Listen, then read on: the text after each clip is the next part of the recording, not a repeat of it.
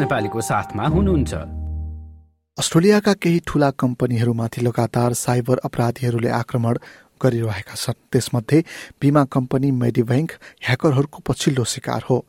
जसका करिब सन्तानब्बे लाख ग्राहकको तथ्याङ्क ह्याकरहरूको कब्जामा परेको छ। साइबर अपराधीहरूले तथ्याङ्कको दुरूपयोग नगर्नका लागि फिरौती माग गरेकोमा कम्पनीका प्रमुख कार्यकारी डेभिड कोस्काले आफूहरूले अपराधीलाई फिरौती नतिर्ने बताएका छन्। उनका अनुसार फिरौती रकम तिरेपछि पनि आफ्ना तथ्याङ्कको दुरूपयोग नहुने ग्यारेन्टी हुँदैन भने यसले अपराधीको मनोबल पनि बढ्न जान्छ.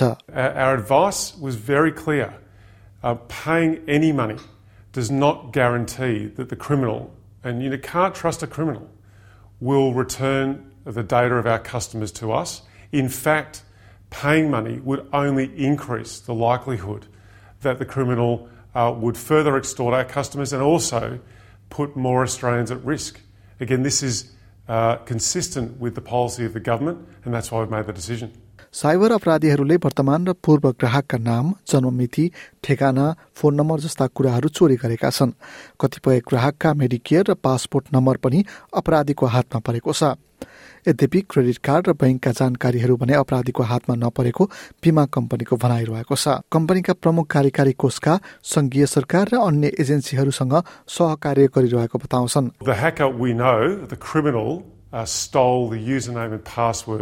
Of one of our uh, people in our environment uh, that had privileged access to our system. That's how they got in, and that's how they stole the data.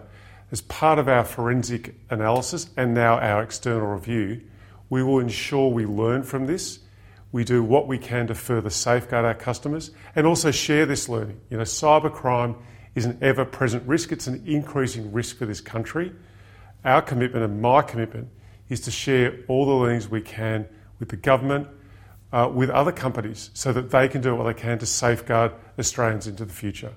उनले घटनाको समीक्षा भइरहेको पनि बताए यता संघीय वित्त सेवा मन्त्री स्टेफेन जोन्स पछिल्ला वर्षमा तथ्याङ्कहरूको चोरीका घटना बढिरहेको र यसको पछिल्लो उदाहरण मेरी ब्याङ्क भएको बताए Over the last two years, we've seen an explosion in scams. It picked up during the pandemic. Over the last 12 months, $2 billion uh, worth of losses to scam activity. And we anticipate that over the next 12 months, that number will double to $4 billion. When Australian households are doing it tough through enormous cost of living increases, to lose $2 billion uh, through financial and economic crimes उनले cyber अपराधलाई निरुत्साहित गर्नका लागि सरकारले नयाँ नीति बनाएको पनि बताएका छन्। गत महिना सरकारले तथ्याङ्कहरूको चोरीमा संलग्न कम्पनीहरूलाई जरिवाना पनि बढाएको छ। यसअघि यस्ता अपराधमा संलग्नलाई बाइस लाख डलर जरिवाना लाग्ने गरेकोमा यसलाई बढाएर पाँच करोड डलर पुर्याइएको छ मन्त्री जोन्सले ठूला साइबर अपराधमा छिटो प्रतिक्रिया जनाउनका लागि पनि सरकारले नयाँ योजना ल्याएको बताए अस्ट्रेलियाको उपभोक्ता अधिकार सम्बन्धी संस्था ए ट्रिपल सीसँग मिलेर एन्टी स्क्याम सेन्टर खोल्ने पनि उनले बताए Uh, we'll be establishing a national anti scam centre through the ACCC to ensure that we can, in real time, have a coordinated and rapid response to scams that are moving their way through the economy.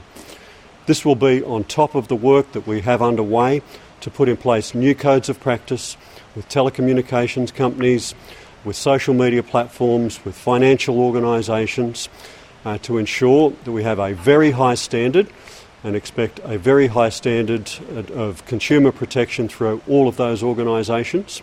यता Sydney विश्वविद्यालयका cyber security विज्ञ क्लेमन्ट कानोन सरकार र संस्थाले तथ्याङ्क चोरी सम्बन्धी घटनामा कस्तो प्रतिक्रिया जनाउने भन्ने कुरामा स्पष्ट हुनु जरुरी रहेको बताउँछन् there are several levels here, right? The first one is how do we protect the data, which is clearly something that there are a lot of failures there. We we don't protect the data well, um, but the next one was like what to do when the data is breached, which is an entirely new like issue. Do we like do we say yes when there's a demand for ransom? Uh, how transparent should we be with the customers? What uh, and I think right now the policies are not quite there yet. It's not like upfront. People don't know how they will react uh, when those things happen. यता विपक्षी दलकी प्रवक्ता केरेन Andrews भने अप्टस र मेडिब्याङ्क जस्ता तथ्याङ्क चोरीका घटनाले सरकार cyber सुरक्षामा त्यति ध्यान नदिइरहेको देखाउने बताउँछिन्। एन्ड्रुजले गठबन्धनले प्रस्ताव गरेको साइबर अपराधमा दण्ड दिने कानूनलाई समर्थन गर्न पनि सरकारसँग अनुरोध गरिन्। लाइक शेयर र कमेन्ट गर्नुहोस्। एसपिएस नेपालीलाई फेसबुकमा साथ दिनुहोस्।